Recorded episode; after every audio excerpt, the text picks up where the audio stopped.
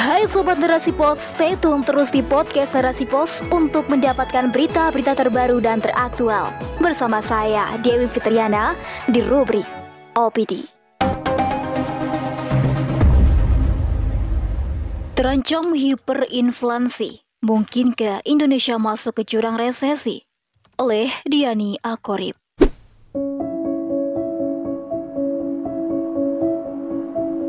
Hiperinflasi menjadi salah satu ancaman ekonomi yang menghantui banyak negara di dunia, tak terkecuali Indonesia.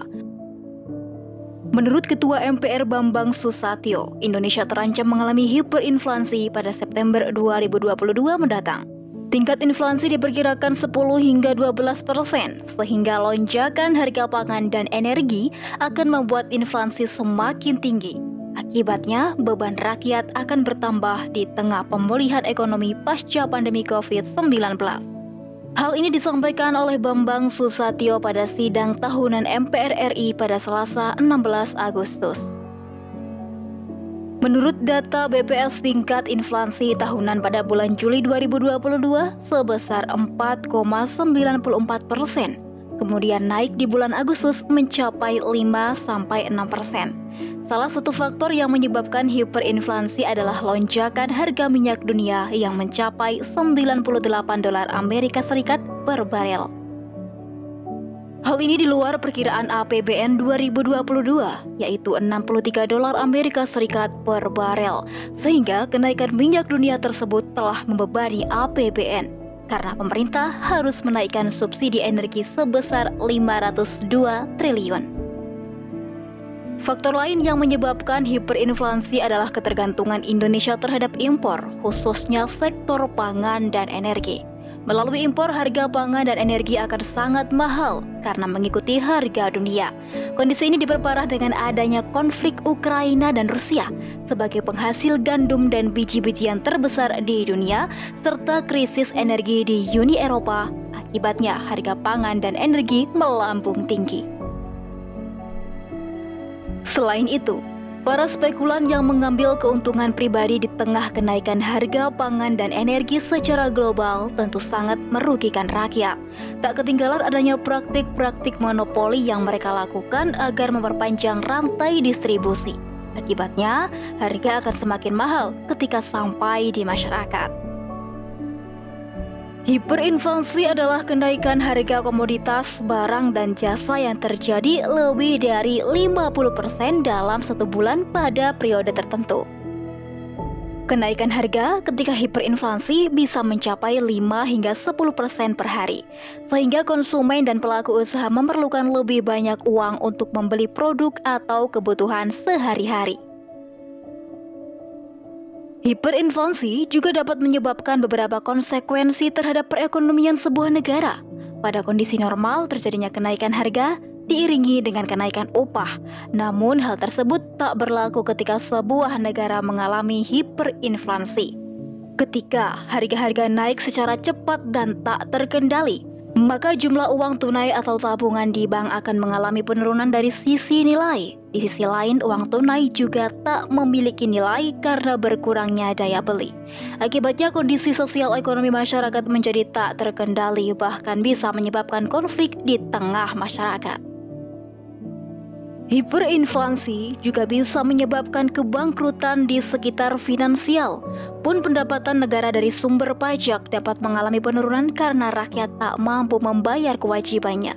Sehingga kemampuan negara untuk memenuhi kebutuhan dasar warganya kian terbatas. Maka, ketika hiperinflasi terjadi di sebuah negara, tak dimungkiri ancaman resesi sudah ada di depan mata. Kondisi ini terjadi bersamaan dengan angka pengangguran yang tinggi, kebangkrutan massal, kinerja produksi rendah, dan permintaan kredit yang terbatas. Biasanya, bank sentral akan merespon kebijakan dengan menambah suplai uang di pasar. Namun, bila percetakan uang tersebut tidak didukung dengan pertumbuhan ekonomi, maka akan memperparah hiperinflasi. Terjadinya hiperinflasi menunjukkan gagalnya penguasa dalam mengurus urusan rakyatnya, karena hiperinflasi mengakibatkan kehidupan rakyat semakin sulit. Namun, Penyebab utama terjadinya hiperinflasi karena sistem ekonomi kapitalisme itu sendiri yang menjadi akar masalahnya, seperti sistem uang kertas yang tidak berbasis emas, lembaga perbankan ribawi, dan maraknya ekonomi spekulatif. Tiga hal inilah yang dijalankan untuk kepentingan pemilik modal. Pada awalnya memberikan keuntungan bagi pemilik modal, namun jangka panjang justru merusak sistem kapitalisme itu sendiri. Bisa dikatakan di tahap awal sistem kapitalisme seperti kuda yang menarik kereta. Akhirnya bisa mempercepat laju ekonomi dan memberikan keuntungan bagi pemilik modal.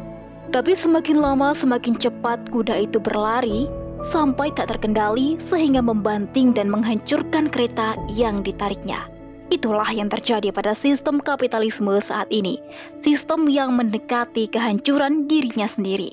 Lalu, bagaimana Islam mencegah dan mengatasi hiperinflasi? Islam satu-satunya solusi. Dalam sistem ekonomi Islam, mata uang yang digunakan adalah emas dan perak.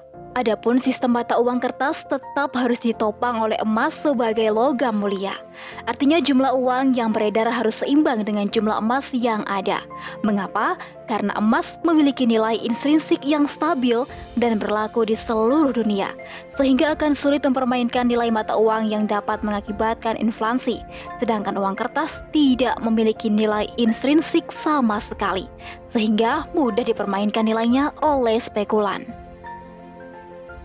Islam juga menerapkan ekonomi non-ribawi serta berfokus pada ekonomi sektor real, sehingga jelas perputaran uang dan barang di tengah masyarakat.